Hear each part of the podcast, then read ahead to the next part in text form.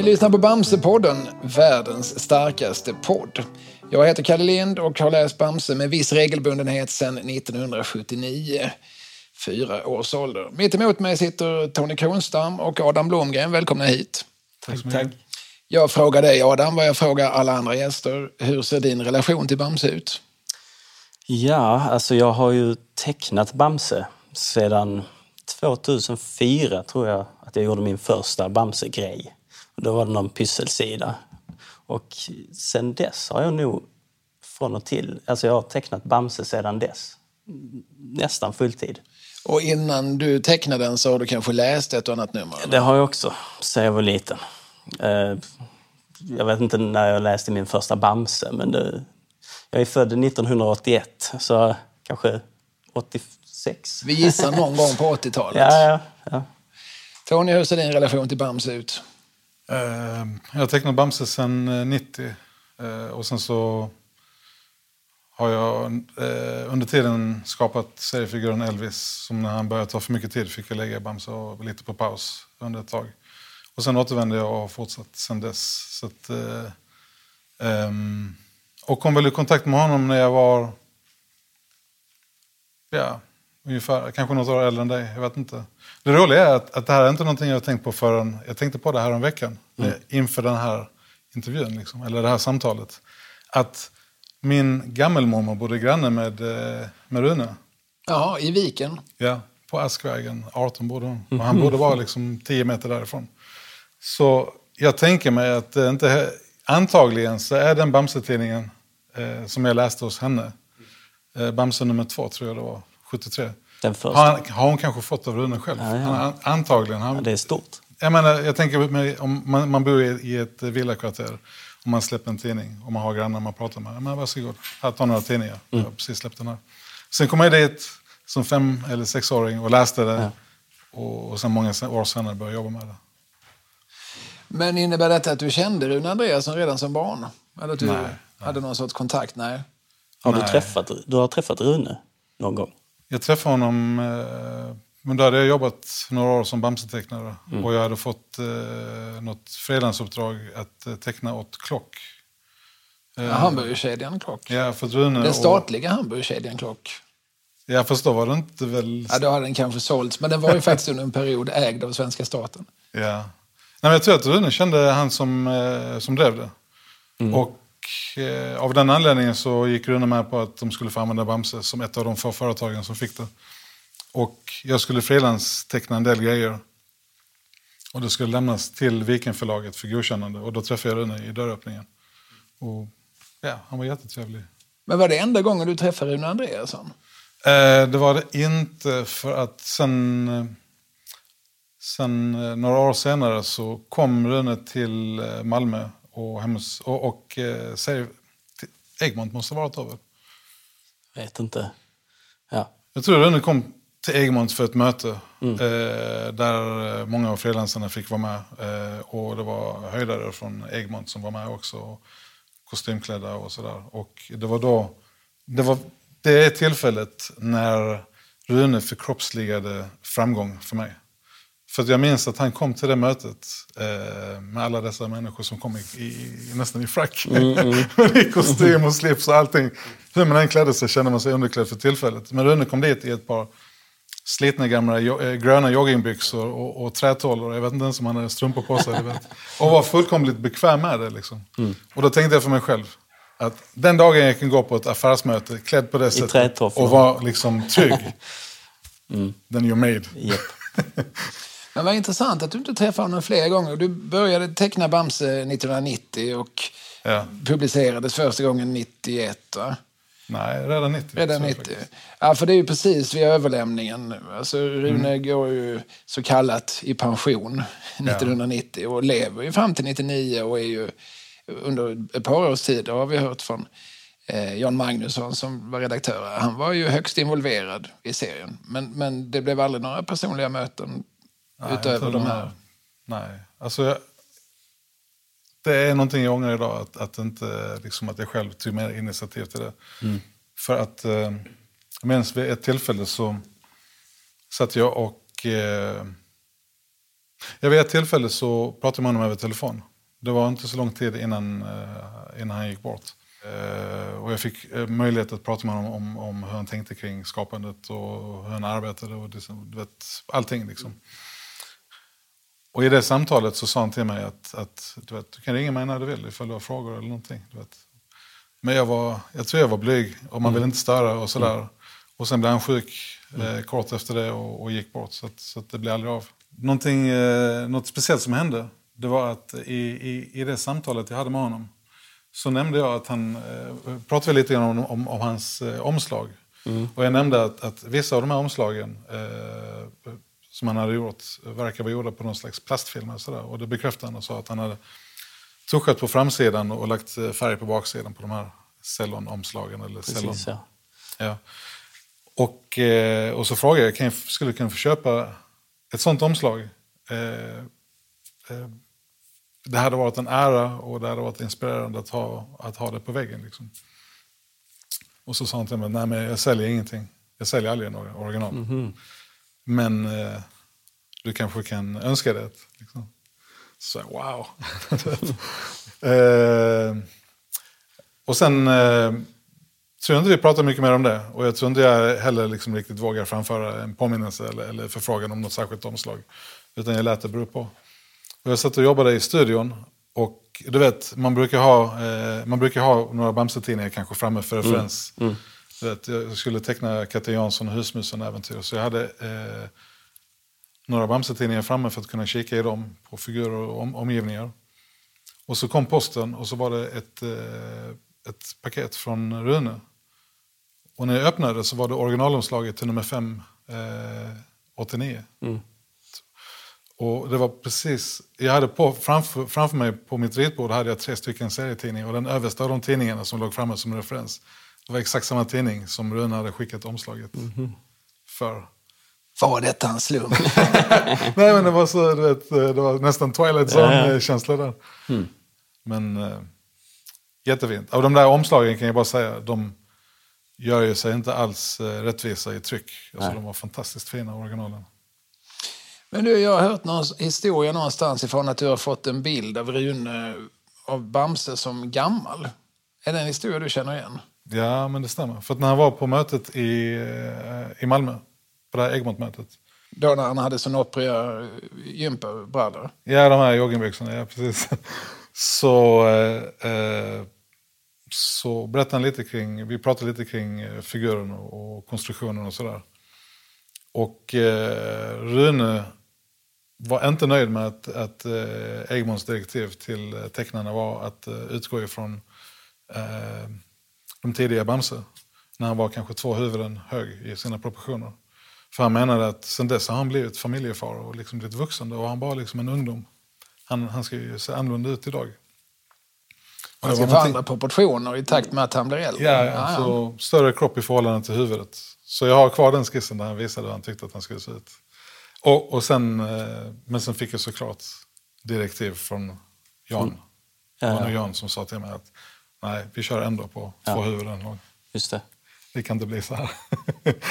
Men det, jag kan säga det att eh, jag är förvånad ändå idag över att, att, att vi inte fick eh, prata med, med, med Rune. För jag tänker att hade jag varit i Runes och i Egmonts kläder faktiskt eh, så hade jag tänkt så här att man hade kunnat höja kvaliteten på, på allt ofantligt mycket Eh, genom att eh, låta till exempel tecknarna och författarna ha ett par dagar med Rune när han mm. hade någon slags workshop och förklara liksom, mm. och titta liksom, eh, på ens artwork.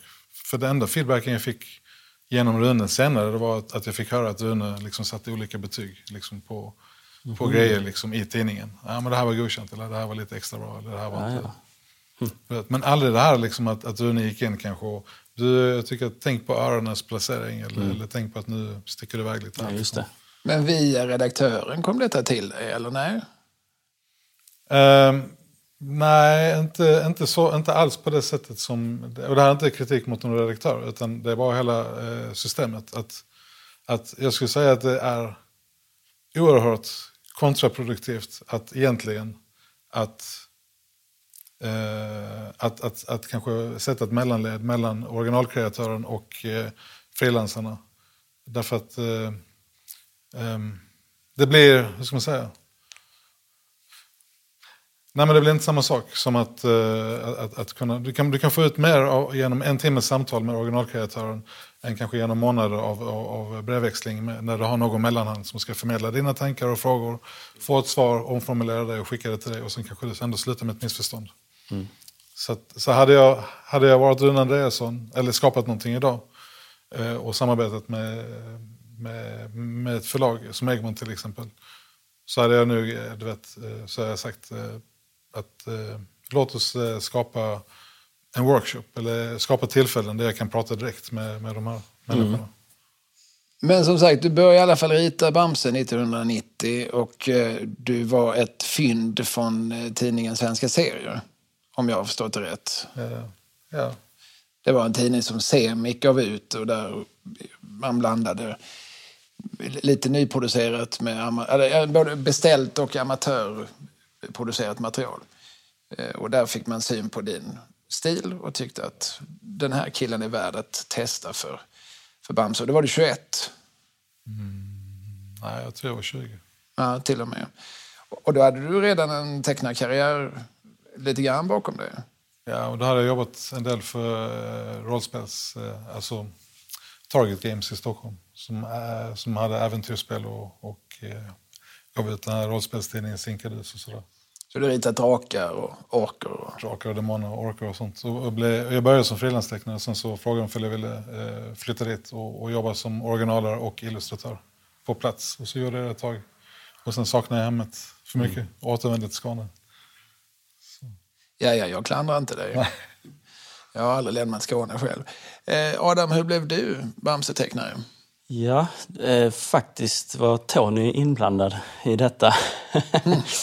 eh, var började egentligen? Jag, när jag var 21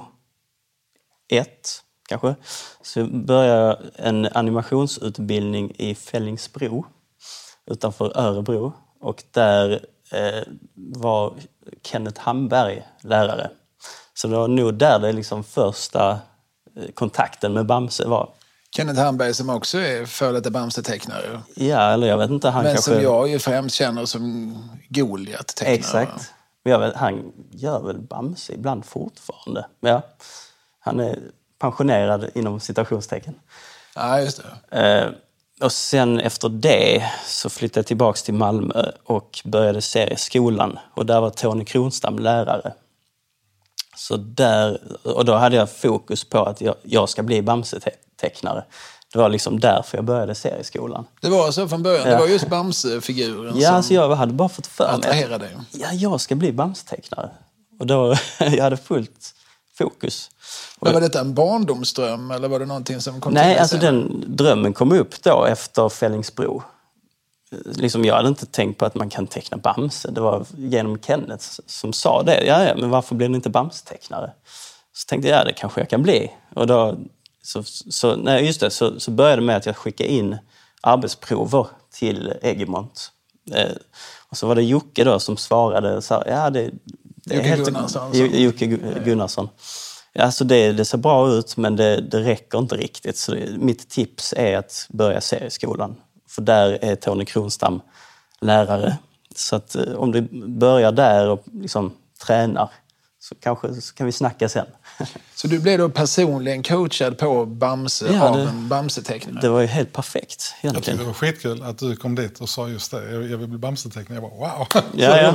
ja, men det var ju win-win. Du kände inte konkurrensen? Du kände inte att eh, det är en ny sheriff i stan? Nej, men eh, alltså rent krasst så är det ju så att, att eh, alla frilansare konkurrerar om uppdragen. Men, men sen så... Men det var en period när du kanske tecknade lite mindre Bamse också. Du gjorde väl Elvis då, tror jag, rätt mycket. just när jag jobb- jobbade på serieskolan då så hade jag... Eh, ja, då gjorde jag... Då undervisade jag på se- serieskolan, gjorde Elvis och Bamse Ja. faktiskt. Så det var alldeles för mycket. Men, Många järn. Och Elvis, det var en stripserie om en eh, sköldpadda som vi alla misstänkte var lite självbiografisk. Men den gjorde du dagliga strippar som du också skrev i Ja. tidningen Metro. Ja, Ja, det låter som att fatet var fullt. fatet var fullt. Men alltså, för att återgå till det du sa, så, så tänker jag så här att, att eh, vi, har, vi älskar ju liksom, jag ska inte säga att, eh, hantverket för att det är konstformen. Mm. Du vet, så så att det är, på något sätt har man, har man fått lära sig saker. Man lär sig alltid av andra och det känns, eh, det känns, eh, det känns rätt och fint att kunna föra vidare liksom, Mm. du vet, de erfarenheter man gjort på vägen. Men det sa jag också, har- jag för mig att jag sa till alla som börjar på serieskolan att, att Mm. Vi kan inte lära er någonting som inte ni hade lärt er på egen hand liksom, så småningom. Vi kanske kan påskynda processen Mm. Ja, så vi det. slipper göra en massa misstag. Tidskrävande misstag på vägen. Så, att, Ja, eh, så det finns ju inga genvägar till Jag kan inte ta åt mig cred för att du på Nej, att nej fast, du snabbar på det kanske. Kan snabba på det? Men vad är det för genvägar och omvägar? Nej, det finns ju inte egentligen inga... Ja, okej, men läraren kan väl visa lite. Okej, nu sitter örat lite snett här och påpeka Ja, för det här fel. verkar varit mycket viktigt, eh, inte minst för Rune. Proportioner, Mm. ögons och örons placering, eh, bens eh, längd i relation till kroppen. Är jag rätt på det? Har jag, miss, eller har jag uppfattat detta rätt? Jo, nej, men alltså det är klart. Allt sånt spelar roll. Absolut. Jag, min, nu när jag jobbat, försökt den sista tiden att arbeta liksom, i Runes gamla stil från 73. Så har jag nu fått med en känsla av att han eh, målade. Målade nästan med sin, med sin stålpenna. En tecknade liksom. Han, han hade väldigt fritt förhållningssätt till sina figurer. Det var ju hans figurer. Ja, Så. och det gjorde också att de kunde bli väldigt... Alltså om, har man fritt förhållningssätt till figurerna och man, och man kan tillåta att de ser eh, lite off ut ibland, liksom, så, så blir det genast mycket mer levande. Ja. För vad tycker vi alla om ett Instagramkonto där någon posar och man, de ser exakt likadana ut liksom, på hundra bilder? Ska du alltid teckna Bamse perfekt och du alltid väljer, liksom, eh, du vet, man varierar mellan eh, framifrån, tryckfats, framifrån, bakifrån, snett från sidan. Så kommer det bli lite skyltdock över det till Ja, det blir stelt, Man ja. måste tillåta sig att kunna teckna fult för att det ska bli riktigt bra. Hellre off-model och med känsla. Ja, eller hur? Ska vi titta på hur en process ser ut? Alltså om man gör ett eh, Bamse-äventyr då får ni ett manus från förlaget. Är det så att ni som har varit med ett tag att ni kan säga att jag vill hellre göra äventyrsserier än eh, vardagsserier? Eh, liksom, Har ni några favoritgenrer inom Bamse? Nej, jag, jag tar det manuset som finns. Men det är ingenting som är särskilt roligt att teckna. Vissa gillar att teckna bilar, vissa gillar att teckna träd och vissa hatar det. Jag tror tyvärr blir det nu så. För, jag såg att du fick göra ett äventyr när, han var i, när de var i... i Klass. ja, alltså, jag tror att tyvärr blir det nu så att, att eh, de, de tecknare som är mer erfarna kanske får ta de jobbigare grejerna Mm. Ja. liksom, efterhand. Liksom. Just det. Okej, det, här, det här är jobbigt manus. Men då lägger Och vi vilka på. är de jobbiga Ja, grejerna? just det. Jag vet inte Vad- du tycker, men jag, Ja. inomhusscener där det är mycket perspektiv och där det är många karaktärer, skulle jag säga. Det är det som är svårt, tycker jag. Och som tar lång tid. Det är där man gärna fuskar och har många närbilder utan bakgrundsdetaljer. Ja, det kan man göra. Men, ja, man kan fuska lite. Man, till exempel kan man ju göra första rutan väldigt detaljerad och snygg och sen så kan man bara zooma in på de andra bilderna. Och bara markera Ja. bakgrunden. Ja, det behöver inte vara någon bakgrund alls. Vissa Ja, rutor kan bara vara frilagda. Men det schyssta med det är att det inte är en kompromiss bildmässigt utan det, att det faktiskt kan lyfta sidan. Att det, att det ger tydlighet och luftighet till Mm. sidan. Liksom. Skulle du smälla in hela bakgrunden. I alla rutor. Ja, då det blir hade det bara blivit ett gytter liksom. ja, det. rörigt. Så detaljerade inomhusmiljöer är bökiga. Ja, Vad är mer bökigt? Alltså när, säger, när man får ett manus och säger nej. Vid vilka tillfällen varit- är det? Okej, det optimala hade varit ett manus på månen eller i öknen eller något liknande. Där det bara är ett streck i bakgrunden. Vandring genom snön. ja. Men det är det som skulle gå snabbast att göra. Ja. Men hade det varit roligast att göra? ja, vet jag inte. Som omväxling, ja. Efter ett manus i klassrummet. När jag, när jag återvände till, för när jag varit borta från Bamse eh, ett tag och varit upptagen med Elvis så, så tänkte jag att jag skulle välkomnas med öppen famn. Eh, och det kanske jag gjorde, eh, men det fanns inga, finns inget arbete just då åt mig. För att, eh, under tiden jag hade hållit på med Elvis så eh, hade redaktionen fått knyta till sig andra tecknare. Ja, då hade Adam, din Ja, gamle discipel, din, din gamle elev kommit och blivit Jag har mästare. voodoo-docka av dig hemma. Det är därför jag har känt så, aj, ont i magen. Nej men, ja jösses. Nej men, eh, vad, vad skulle jag komma till? Att, att, eh, När du kom tillbaka till redaktionen. jag kom, då eh, fanns det, inte, det fanns inte manus till mig. För att eh, de manusen som fanns skulle gå ut till olika tecknare som var liksom reguljära då, vid den tidpunkten. Mm, Så att eh, vägen tillbaka för mig blev att jag, att jag sa, men okej, vet ni vad? Om jag skriver, om jag skriver egna manus och ni tycker om dem och godkänner dem, kan jag teckna dem då? Ja, absolut, kör på det. Så då, eh, så då började jag skriva manus själv. Eh, och eftersom jag behövde arbete så, så gjorde jag gärna långa äventyr på åtminstone 20 sidor. Och sen, men det jag gjorde... För man faktiskt- får betalt per sida. Ja, exakt. Ja. Men när jag satte mig för att skriva det så, fick, så tvingade jag mig alltid själv att glömma att jag också skulle teckna det. Så, så såklart sen när jag skulle teckna de här äventyren Just som det. jag hade skrivit så tänkte jag vad är det för jävla idiot som har skrivit det här manuset? ja just det, det är jag själv. Så, så att jag tror att Ja, du tänkte inte på det alls då? Att Nej, jag bara jag, jag bara, när, jag- när, jag, när jag är inne i min roll som manusförfattare så tänker jag bara på att det här ska bli maximalt Ja, ja. bra alltså, och spännande och roligt. Du vet. och Så sen, typ när jag väl ska teckna det, så okej, nu, nu får jag tag i detta, ta tag i detta och så kör jag på det. Liksom. Mm. Eh, så att, men såklart kan man skriva till, sina, till sin styrka. Liksom. Mm. Eh, skulle, man, skulle man vara jättestressad och man verkligen måste så hade det varit tacksamt att göra ett äventyr på månen eller, liksom, eller i, i lång vandring genom öknen. Eller något Ja. sånt. Jag har fått svar på frågan. Bökigt att teckna är detaljerade inomhusmiljöer. Vad är roligt att teckna? Alltså, jag tänker att ibland måste man få ett manus och tänka ja, roligt. Eh, fin- Finns det någonting som ni särskilt gärna gestaltar? Känslor tycker jag. Alltså det är roligast när figurerna Ja, agera ut. liksom. just det. Ja, ja, ja. Men Action. utifrån våra, våra huvudfigurer. Alltså att teckna dem i olika positioner och stämningslägen. Ja, när det händer mycket action. Alltså inte bara babbla. Alltså rörelser. Ja, rörelser och ja, lite animation över det hela nästan. Roliga- Ja, för det kan vi säga, kan vi skjuta in, vi kommer tillbaka till det, att nu för tiden är du ju främst upptagen med att animera Bamse. eh, inte animera, men att teckna layouts inför animation. Förlåt, du är Ja, numera jag- inblandad i animationsprocessen Ja, ja. gällande Bamse. Ja, precis. Du har varit med på, på filmerna. Men jag har gjort lite till tidningen parallellt med det. Ja. Jag tänker också att man som serietecknare, att, du, att när du började med det så hade du säkert ofantlig nytta av att du var serieskapare redan. För att, då, att teckna serier är lite grann som att plocka ut keyframes ur en animation. ja. Det är likt varandra. Och samtidigt alltså. liksom regissera filmerna. Vilken vinkel ska vi ta här liksom?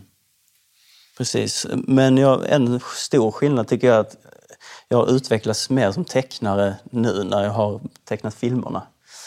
För att jag tvingas att teckna i vinklar som jag inte hade tecknat annars. Så man kan hoppa över när man ritar Alltså när man, serier. när man ritar serier så får man ju ett manus i text. Och det är du själv som liksom bestämmer ganska mycket vinklar. Och, och, och ofta, är det lätt att man tecknar i liksom poser man är bekväm med.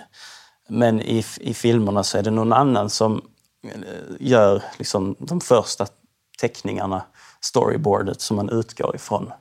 Så då tvingas man att, ja men jag vet inte, teckna Bamse underifrån till exempel, kan det vara. Och då, det är liksom en helt ny vinkel som man inte är bekväm med. Jag har tänkt på det, att jag tror att den stora nackdelen vi har som arbetar med någon annans figurer från början det är att, det är att, att, att när vi kommer in i produktionen, när vi ska börja, när vi ska börja jobba som tecknare, så, så måste vi bevisa för, för, för redaktörerna hela tiden att ja, men jag, jag förstår hur figurerna ska se ut, så här ska de se ut. Och, man, och de får inte skilja för mycket från det ursprunget så att säga. Och varje avsteg ifrån, ifrån det blir som ett misslyckande. Men man behöver de här, men de här avstegen krävs längre fram när man har, när man har fått det här förtroendet från, från, från redaktionen till exempel. Så, kan man, så kan man teckna mer off och de vet att okej, du vet hur det ska se ut egentligen så detta är ett medvetet val. Det är inte som du bara liksom tecknar fel. Men man måste förtjäna förtroendet först och sen så kan man börja jobba på det sättet. Men även om man gör det så är det ju liksom seriemässigt såklart kräver inte samma sak som det animerade. Just det. Ja, Jag, jag, det känns som att du är mer modig att gå utanför eh, liksom, model sheets i tidningen än, än jag. Nej. Men eh, för, man har alltid tanken på att det kanske redaktionen kommer att tycka är lite fel eller dåligt. Man har alltid den tanken när man Och tecknar. då censurerar du dig själv innan ja, du ens har lite så. testat. Jag känner att man är lite stelare än man skulle kunna vara ibland. Mm. Ja, ja, okej. Okay. All right. Men det här med att ta över en serie som någon annan skapat och eh, då förväntar sig lite grann att man anammar ett maner. I det här fallet specifikt av mm. Rune Andreassons maner. Eh, alltså hur, hur gör man? Jag, jag, jag fattar inte. Jag, jag, försöker teckna saker själv. Jag har knappt en egen stil. Jag förstår inte hur man kan ha någon annan stil. Tony, du har ju dessutom tecknat Kalanka. Ja. Har du gjort ytterligare någon serie som är någon annans från. Lasse-Maja har du också gjort. Alltså det vad heter hon? Helena Willis. Ja. Eh, då är det hennes maner. Mm. Eh, och det är rätt stor skillnad om, man kan se detta framför sig. Kalanka, Bamse och Lasse-Maja. Ja. Det är ju väldigt olika stilar. Ja, Finns det någon teknik för att, för att imitera? Eller, och det är inte heller imitera man ska göra, man ska lägga sig nära. Hur mm. gör man? Går det att förklara för en idiot som jag? Uh, du är ju allt annat än en idiot. nej, men på det här området är jag erudis. Nej, nej, bara din fråga visar att du inte är det. Mm. Det, var, var en, en, faktiskt en jättebra fråga. Ja. Uh, jag, jag, tror så här, att om jag tittar tillbaka på mitt egna tecknande så säger jag att när jag försökte uh, lära mig, Bamse-maneret var det första maneret som jag försökte lära mig som inte var mitt egna. Och jag, jag tror att man i alla fall jag, hade en tendens att vilja överdriva detaljer som eh, till exempel tofsarna på Bamses öron eller, eller andra saker liksom, som, jag, som jag tyckte kännetecknade honom som figur. Istället för, och, och där tappade jag lite liksom, distansen till, kanske, eller det, det är nog lätt i början att, att titta sig blind på detaljer. Liksom. Jag tror mm. att det som hjälpt mig att närma mig Runes stil till exempel var att, eh, att jag fick kolla på hans skisser. Och se liksom hur, eh, i, och i hans skisser så såg jag att, att, eh, att när han... Eh, det kanske hade att göra med att han var vänsterhänt, jag vet inte egentligen ursprungligen. Men tvingades mm. eh, använda högerhanden. Mm. Att, att eh, de här cirklarna han, han drog för huvudena mm. eh, inte var, det var inte perfekta cirklar. Och de var inte ovala med eh, större bredd än höjd. Utan tvärtom så var de lite grann ovala med mer höjd än bredd. Mm. Det där var ett stort, ett stort uh, aha-moment för mig. Att jag bara, åh herregud liksom. Uh, nu fattar jag varför, hur jag än har försökt göra så, så blir det inte som Runes grejer. För jag har, jag har ju, att jag, om inte grundformen stämmer så kan du hålla på och arbeta med detaljerna liksom, hur mycket som helst.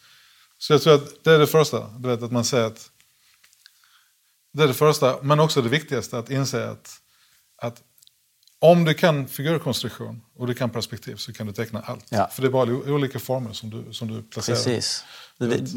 Man får ju konstruera en figur, man får ta en figur ja. och så se hur den är konstruerad. Man får liksom klä av den alla kläder och rita grunderna så att säga. Exakt.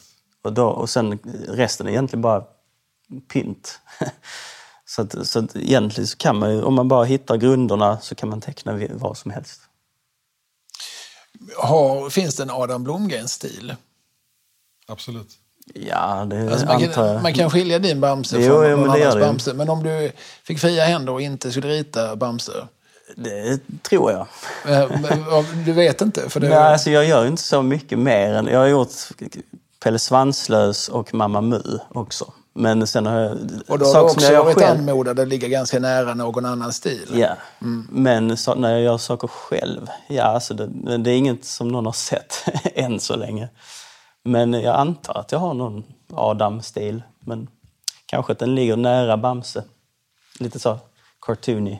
Får jag bara, får jag bara backa, backa bandet en sak? Jag bara stoppa in en liten detalj. Mm. Också där, för att... Eh, Eh, bara, bara för att lägga in ett eh, lager till av vad vi, vad vi som eh, serieskapare och animatörer mm. får arbeta med.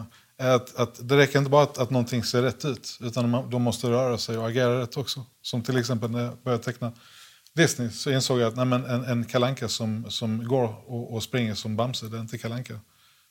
Och, och det där är någonting det är, en om, det är en omställningsperiod att gå från Bamse till eh, Kalanka till Lasse-Majas till Tibor. Mm. Precis som det måste vara för dig om du går från Bamse till Pelle Sandslös mm. till... Right? Mm. Så att, eh, därför tänker jag så här att... att eh, det är nu vettigare att arbeta med animation ur det perspektivet. För det är väldigt oekonomiskt att hoppa mellan olika stilar. För det är alltid några dagar man, man liksom är lite ringrostig.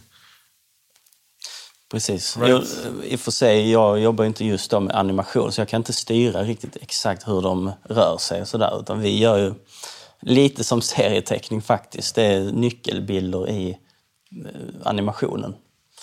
Så det blir ju st- stillbilder ändå. Men, eh, men visst, vi gör ju poser som reflekterar deras karaktär på ett sätt. Jag tänker Tony, du började teckna Bamse 1990 och då anmodades du att hitta en stil som låg ganska nära Runes stil som den såg ut då. Eh, eller ja, jag vet inte. Egentligen så var nog eh, Bosse Michanek eh, lite grann det som vi... Just det. Titta på Bosses grejer och Ja. utgår från det. Och sen så har du tecknat den, den här serien i, i ganska många år och förmodligen har det blivit lite mer Tony Kronstam för varje pennstreck du gjort kanske. Och nu eh, i 2023 så har ju då det här jubileumsnumret kommit ut där, där du medvetet eh, har försökt hitta fram till Runes stil anno 1973. Ja, exakt. Vad, eh, då satte du dig och analyserade eh, Runes eh, tidiga tidningsserier. Och, och, vad, vad såg du? Eh. Nej, men jag såg att, att, att att jag insåg att jag, att jag, att den, jag insåg att eh, den bilden jag hade av, eh, av Bamse eh, 1973 som figur, det var bara en föreställning. Alltså det var i min föreställningsvärld. Det var ett genomsnitt av, av eh, alla de bilder jag sett av, av eh, Rune gjort av Bamse. Eh, och där jag, där jag, eftersom jag tycker bäst om hans grejer, de tidiga grejerna, faktiskt nästan idoliserat och plockat ut det bästa tvärsnittet och, och, och liksom tänkt att så ser han ut. Men det gjorde han inte alls. Ibland, då och då, så, så var han där och, och liksom, oftast inte. Av och lite av samma anledning som, och lite grann på samma sätt som varför är en skiss oftast mycket bättre än en färdig teckning? Därför att i skissen så har du många linjer och betraktaren kan själv läsa in vilka linjer som är de rätta för honom eller henne. Du vet. Men i tuschen har du, har du som tecknare gjort det slutliga valet. Det finns ingenting kvar för betraktaren annat, annat än att acceptera och gilla eller tycka att nej, det var inte riktigt hela vägen. Men, så att för min del handlar det om att, att, att eh, jag, jag, eh, jag blev väldigt... jag, jag insåg inte hur mycket jag hade driftat bort från Runes stil. Jag trodde jag låg ganska nära. Det var så här, wow, det här var verkligen nyttigt för mig. Jag har inte tittat på hans grejer på, på länge, länge, länge. Liksom, och, och, och tror att det här, eh, du vet, oj. Så jag, jag, för min del, eftersom jag ville verkligen att det skulle kännas som att, att eh, när man plockar upp den här tidningen, att, att oj, har Rune tecknat detta liksom, med detta material som inte har släppts tidigare? Så gick jag in i varje bild och letade referens och kollade, okej, okay, men hur ritade, hur ritade Rune eh, Bamse när han eh, kröp eller satt eller hoppade eller gjorde något sånt här, du vet. Jag hade kunnat skissa upp det ögonblickligen. Mm. Alltså, du vet, det hade tagit några sekunder att skissa upp det. Men istället kanske jag kunde sitta eh, ibland i timmar och leta efter den Mm. rätta bilden för att veta, ja men så här såg det ut. Okej, nu har jag det här som förlaga och nu ska jag teckna det så här och så gör jag lite justeringar. Liksom.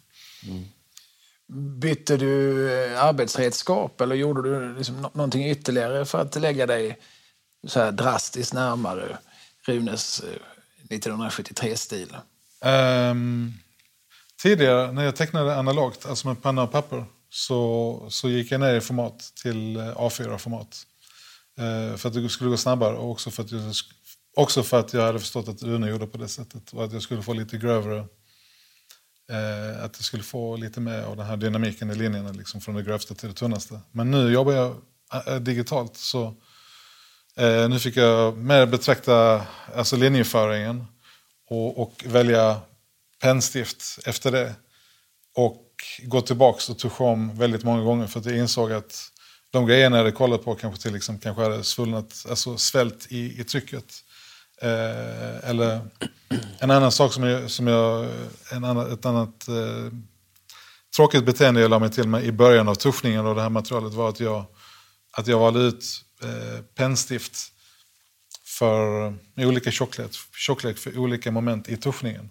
Det jag kanske sa, okej okay, det tjockaste där ska jag använda en eh, 35 och det tunnaste lägger jag mig på, på 17 och i mitten lägger jag mig på en 22 kanske. Liksom, och så, så. Och när jag, men när jag hade tuschat några sidor så insåg jag att nej, jag behöver ligga, jag behöver ligga kanske tjockare Och, och jag måste åstadkomma de här tunna linjerna genom att, genom att arbeta med eh, trycket. Liksom. Mm. Jag kan, det finns ingen shortcuts, för shortcutsen kommer bara göra att det ser sämre ut dessutom. Och 35, 22 och 17 det har med millimetern på, Ja, på ritstiftet eller pixlar, på, pixlar tror jag. är. Pixlar är det nu, ja. Pixlar blir det nu, ja. Ja. ja okej. Så jag såg, jag kunde, när jag tittade tillbaka på min tuffning kunde jag se hur jag eh, successivt gick upp till, till eh, tjockare och tjockare stift liksom, och arbetade lättare och lättare med handen liksom, för att få mer dynamiska linjer. Mm. Eh, Alltså, Runes stil är ju väldigt tjocka, kantiga kalligrafiska. tuschlinjer. ja, exakt. Han, han, Ja, för han tecknar inte digitalt på något sätt. tror jag inte, nej. Nej. Ja, det, den möjligheten gavs honom inte riktigt på 60-70-talet kanske. Men, eh, men det är nog så många av oss fortfarande ser framför sig att så här ritar man väl. Man har ett papper och en penna och sen har man förstått att man gör en skiss i blyerts och sen så fyller man i med tusch. Och då finns det antingen stift eller pensel Ja. i stora drag. Men eh, man, i den digitala världen så använder man ungefär samma sak fast det är digitala versioner. Ja, exakt. Men det är nog inte så många som vet. Det är ofta folk säger, om man, om man säger att man tecknar digitalt så tänker de att det görs på något magiskt sätt. Liksom. Eller jag tror inte de Men det är vet hur det går till. Men det är liksom. faktiskt svårare att teckna digitalt. Än alltså jag kan säga så här. Att, att teckna med eh, alltså, eh, blyertspenna till exempel. Mm. Eller filtpenna eller stålpenna eller, eller, eller, sådant. Mot papper. Mm. Där har du eh, ett motstånd. Och du har också ett material som, som samverkar. Så det är lite grann som att åka eh, på isen med, med riktigt bra slipade skridskor. Du, vet, du ska dra en linje, så kommer pennan att göra halva jobbet åt dig. Du vet. Alltså det, det är fys- fysiskt. Men, men när du sitter med en Cintiq eller, eller något sånt och, och du ska dra pennan. Så har du inget motstånd överhuvudtaget. Du är lite grann som Bambi på isen. Så du måste fejka de här naturkrafterna. Mm. Det är liksom. sant, ja. Och, och det, så det är lite grann som att ge sig ut på, ge sig ut på isen på helt oslipade skridskor. Men om det nu är så mycket svårare, varför tecknar du digitalt? Vad finns det för fördelar? För att mina... Nej, men för att, okej, för att mina... Dels så har jag fått för dålig syn. Så jag kan inte arbeta liksom på det sättet längre. Alltså analogt utan en stort, eh, stort förstoringsglas. Vilka figurer är svårast alternativt roligast att teckna? Om vi nu är i Bamse-världen. Alltså i början tyckte jag Skalman var jättesvår att teckna. Eh, jag vet inte, det är någonting med ansiktet. Han är ju lite an- annorlunda från de andra karaktärerna. På vad sätt? Eh, De flesta ka- karaktärerna i Bamse-världen är ju liksom en version av Bamse. Det är liksom ett bollhuvud, en päronkropp i, med olika detaljer på.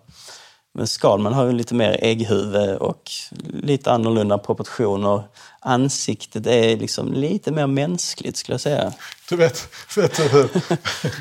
Jag snackade med Bosse i, i början. Så, så hade jag samtal med Bosse Michanek när man skulle teckna. Vet du hur Bosse beskrev eh, eh, Skalmans Nej. huvud? Nej. Som ett deformerat ägg. Han Ja, sa, ja. utgå från ett deformerat ägg. Liksom. Ja, men det stämmer, det stämmer faktiskt. Ja, men det krävs att, det, att vi är överens om hur ägget är deformerat för att det ska vara någon hjälp. Just det, ja, men det är lite platt på en, en sida. Ja, Så Skalman är den svåraste figuren. det tyckte jag då i alla fall. Nu, har jag, nu vet jag inte, ska jag säga. Vad tycker du? Eh, jag, jag, tycker, jag tycker farmor är skitsvår att få bra. Alltså. Mm. Alltså, hon är jobbig av någon anledning, jag vet inte varför. Men har det med hennes längd att göra? För att hon Nej, är men det är hur hon, liksom, hur hon liksom, de här klänningarna eh, är i vägen för att få någon slags logik i hur hennes fötter liksom ska komma. Alltså, det, jag, vet inte, jag, jag får inte ihop det riktigt. Eller, eller ja, på något sätt så försöker man få ihop det till Ja. slut. Men jag tycker det är eh, alltid problem att få eh, farmor att se vettig ut. Alltså. Man vet inte riktigt hur hon är konstruerad kanske. För att hon har den här stora, långa kjolen som gömmer allt. Vi har aldrig sett eh, farmor utan klänning, va? Nej, Det är ingenting någon av er har ritat. Åtminstone inte som har publicerats. nej exakt. Ingen som pin-ups liksom. Nej, det har, har vi inte gjort. Men är det någon figur som är särskilt rolig att rita? Alltså, ni pratar om att det är roligt att, eh, att eh, uttrycka känslor i, i, i bild. Eh, vi- Vilka figurer är det som... Jag skulle säga alla skurkar är tacksamma att teckna. Men där kan man ta ut svängarna. Ehm, och liksom mer teatraliska på något sätt. Och det är alltid Det är mer roligt. fäktande ja, armar. Exakt. Det är mer att de liksom, skriker mot ja, himlen. Ja. Och de är ju liksom, ja, ro, de det är mer drama. och det är roligt att teckna. Ja, och, ja exakt. Och det, och det kanske inte handlar så mycket om deras konstruktion liksom, eller deras design utan mer att vilka, vilka sammanhang de brukar finnas Ja. med i. Liksom. De Och- är i äventyr. De brukar inte sitta i, i liksom, klassrum Nej, naglade vid en exakt. bänk. Liksom. Och, och tvärtom, Skalman kanske är jobbig för att han är ganska stiff. Alltså han, han gör inte så mycket miner. Och, Nej, han han är uttrycker nästan inte så mycket känslor. Ju. Nej, exakt. Han är, det är ju tvärtom. Gamla Teddy i Sagolandet där vi faktiskt ser en tår Just på. Skalmans kind. Det är väl så mycket känslor Det är han har max, uttryckt. max känslor på Skalman. Ja. Någon gång har han lett i mjugg. Ja, Mm. Jo, men det, det innebär ju att han då inte är så varierad. Nej. Nej, och Och det, att det kanske kan bli enahanda som tecknare, misstänker man. Det, jag tror det spelar roll faktiskt. Och då skurkarna är tvärtom. De, de kan man liksom ta ut svängarna på totalt. Men, men vad som är lätt och svårt att teckna. Där, en, en grej som, som jag kommer att tänka på som är nu det som har varit eh, något av det jobbigare, tycker jag, genom åren. Det är ifall, inte, det är ifall eh, författaren eh, inte har tänkt eh, tillräckligt mycket på att det här ska faktiskt få plats också. Och. Just det, ja. det kan vara så här, eh, ja men har vi en scen, hela klassen är ute liksom och, och, och spelar brännboll och Bamse och vännerna kommer i bakgrunden och, Mm. och någonting annat händer liksom sådär. Och sen så finns det fem rutor till på tidningen, alltså eh, på sidan. Och man bara, Ja. herregud, hur ska jag få plats med detta? Jo. Om jag ritar allting liksom i extrema miniatyrer, men det funkar ju inte liksom. Nej, ja, men det håller jag med om. Det, det ska få in mycket i, i, nå- i någon ruta. Liksom. Det är den största utmaningen. Mm. Att, Och ofta är det så här, det beskrivs något i bild, samtidigt beskrivs samma sak i en textbox. Vilket jag tycker känns onödigt ibland. Alltså man kan ju beskriva saker med bara bilden. Jag tror det är skillnaden på er som uttrycker sig i bild och Ja. oss, får jag nog säga, som uttrycker sig i text. Exakt. Att jag vågar ju inte lita på Nej. Mm. bilden. Jag har själv skrivit lite seriemanus och jag vågar inte helt lita på att allt det här kommer fram i bilden. Exakt vad jag tänkte. Och sen när rutan väl är färdigtecknad Mm. så kan jag gå med på, okej men då kan vi ta bort textrutan för nu ser jag vad som sker. Men det, inte förrän då. Just det. Jag, jag jobbar ju ibland med Jimmy Wallin som ju också skriver och Mm. ritar, inte så mycket, men skriver mycket för Bamse. Men han tecknar en serie som jag skriver manus till. Och, och då, han har också många gånger antytt att, att du vill ha med väldigt mycket i Mm. Ja, varje det blir, ruta. precis, det blir dubbelt. Dubbel info. Ja, samma info. fast jag, jag hamnar någonstans mitt emellan. Jag, jag tycker att ni båda två har rätt. Ja. Får jag eh, lägga en Mm. till eh, reflektion över det? Jag ska bara, också som en liten parentes. Faktiskt, Jimmy som har skrivit hela numret, det här jubileumsnumret som vi pratade om tidigare. Just det. För allt berättande där. Eh, jag tänker så här, om jag kollar på Runes tidigare grejer, att, att jag fick känslan av att han skrev det. Att, han, att serierna är skrivna på ett sånt sätt att man ska kunna läsa upp dem för de minsta. Liksom. Det, precis, det ska vara tydligt så då gör det ingenting om det är liksom... Så, så därför ibland när jag, skriver, när jag skriver så lägger jag faktiskt in onödig text på det sättet Ja. att eh, då kanske jag säger ja, Bamse sätter sig ner med familjen och, och du vet, och det, ser, det ser man i rutan. Men det känns som att hade jag suttit med ett litet barn och läst den här tidningen för Ja. så hade jag velat säga det. Ja, Liksom. men Jag skulle precis säga det, för jag sitter med mina barn och Ah. läser Bamse ibland. Och jag hoppar över vissa av de gula boxarna. med Less is mening. more. Ja, alltså... Ja, ja, ja. Men jag har måste, beviset. men det måste vara skönt för dig Adam som nu då jobbar mycket med film. Ja. Där slipper du textboxarna eller Det är textrutorna. sant. Där får jag beskriva allt i bild. Nu är allt i bild. Men där finns en berättare. Ja, det Vi gick till animationen ja. i protest mot detta. Ja, men berättaren fyller ju samma funktion. Jo, ja. det är ju berättarrösten. Men honom behöver du inte rita in. Nej, det är. Vad är den stora skillnaden mellan eh, serie och eh, det- det jobb du gör på filmerna? Ja, det är ju rätt stor skillnad. Alltså jag, har, jag är bara en liten kugge, känns det som, i en stor film. För du ritar alltså bara gubbar. Ja, jag är Alltså den... jag använder nu, Gubbar. eh, kanske inte den professionella termen, men gubbar är det vi, vi alltid har kallat figurerna Ja, i, Just i en serie. Ja, exakt. Jag är den som, eller en av några, som tecknar dit eh, figurerna. Jag får en, en bakgrund som jag sätter figurer på. I Och- nyckelposen. Och då ritar du Ja, vad betyder Ja, nyckelpåse? det snackade vi om igår. Vi kunde inte riktigt sätta fingret på exakt vad nyckelpåsar är. Men eh, säg att, säg att Bamse, han dricker en kopp kaffe. Då har man liksom extremposerna på det. Alltså när han kanske tar koppen och när han dricker. Okej, allt däremellan, ja. allt däremellan är in-betweens. Alltså, Och det behöver man inte teckna varje enskild bild. Det, det, det kan man be datorn att göra åt en. Nej, att- nej, eller det behöver man ju teckna, men det är inte vi som tecknar då. Det skickas vidare Ah, till animatörerna. det är de här som sitter i utlandet Ja, någonstans. så vi, vi vill, vill liksom ge tillräckligt med info för att de bara ska förstå scenen och kunna teckna alla Och sen tecknar de varje enskild ruta fortfarande för hand. Ja, Och det är fortfarande 24 rutor per ja sekund. det är oftast 12 skulle jag säga. Det är 12 rutor. Ja, okej. Ja, jag tror det är nog 12 hela tiden. Skulle jag säga.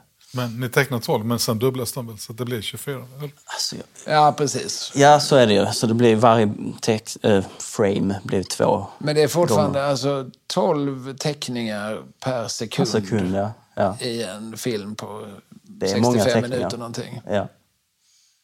Ja, men du gör det bara Så vi får ju lyx, det roliga jobbet kan man säga. Vi får göra liksom extremposerna och, och sen Men du tecknar alla figurerna? Alltså om, om, vi, Ja. har, om vi har en överblicksbild där, där vi ser både Bamse, och Nallemaja och Skalman och Ja. kanske rent av Rena Trä, vad vet jag. Ja. Eh, Du, du tecknar dem allihop. Allihopa. Måste du också förhålla dig till hur de förhåller sig till varann i bilden? Ja, ja, visst. Och alla props och alla effekter, allt som är med i scenen ska vi teckna. Och props betyder rekvisita. Rekvisita. Så det kan vara en dunderhonungburk. Ja.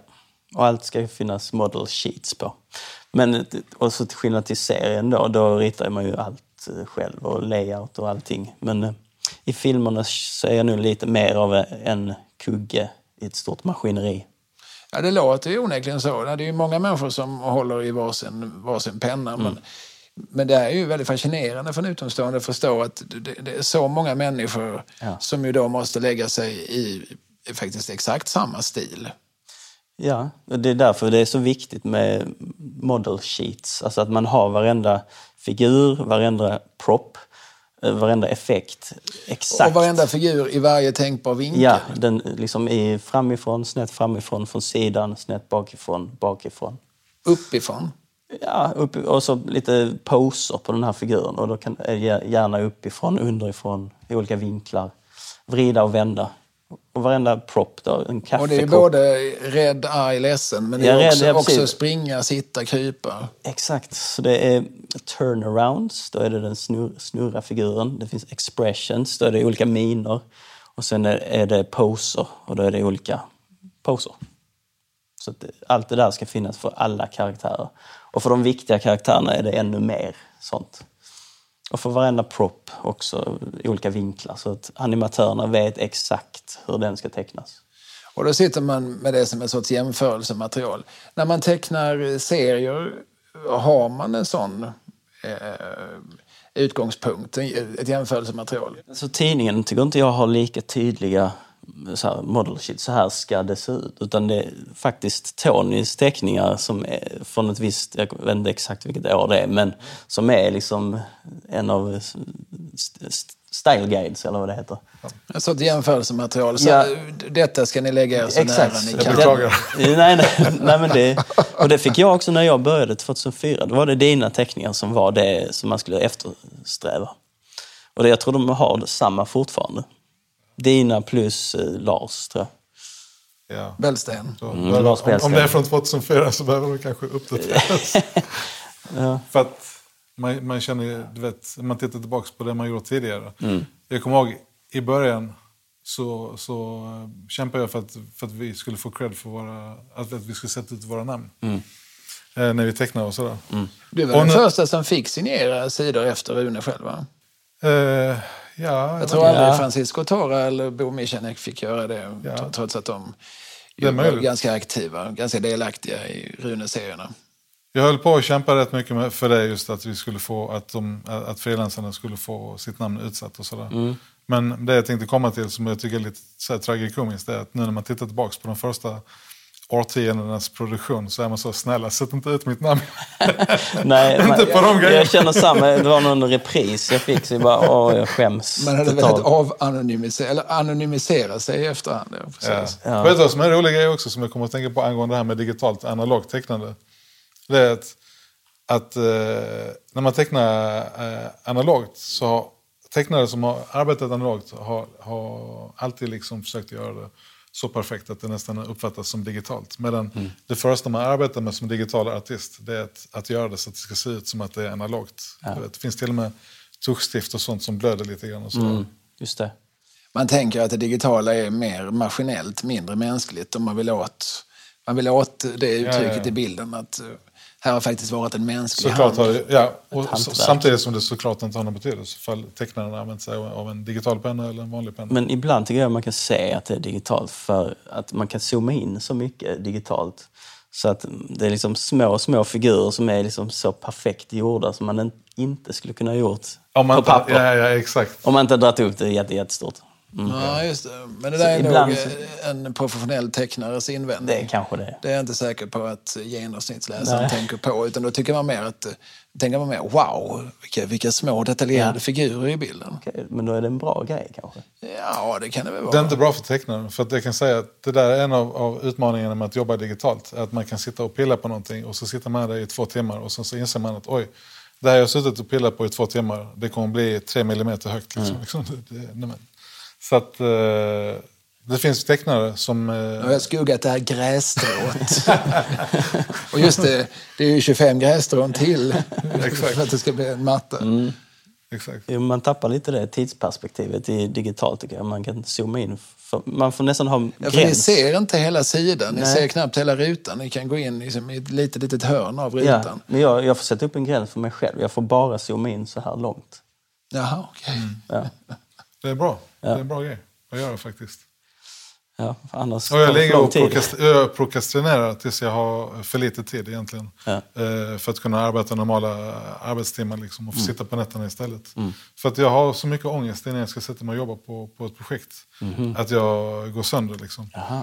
Så eh, att, att, inte ha, att, att tvingas eh, arbeta fort blir ett sätt för mig att hantera den ångesten. Jag har inte tid att, att oroa mig och, och må dåligt och spekulera i hur bra eller dåligt någonting ska bli eller hur folk, vad folk ska tycka om det.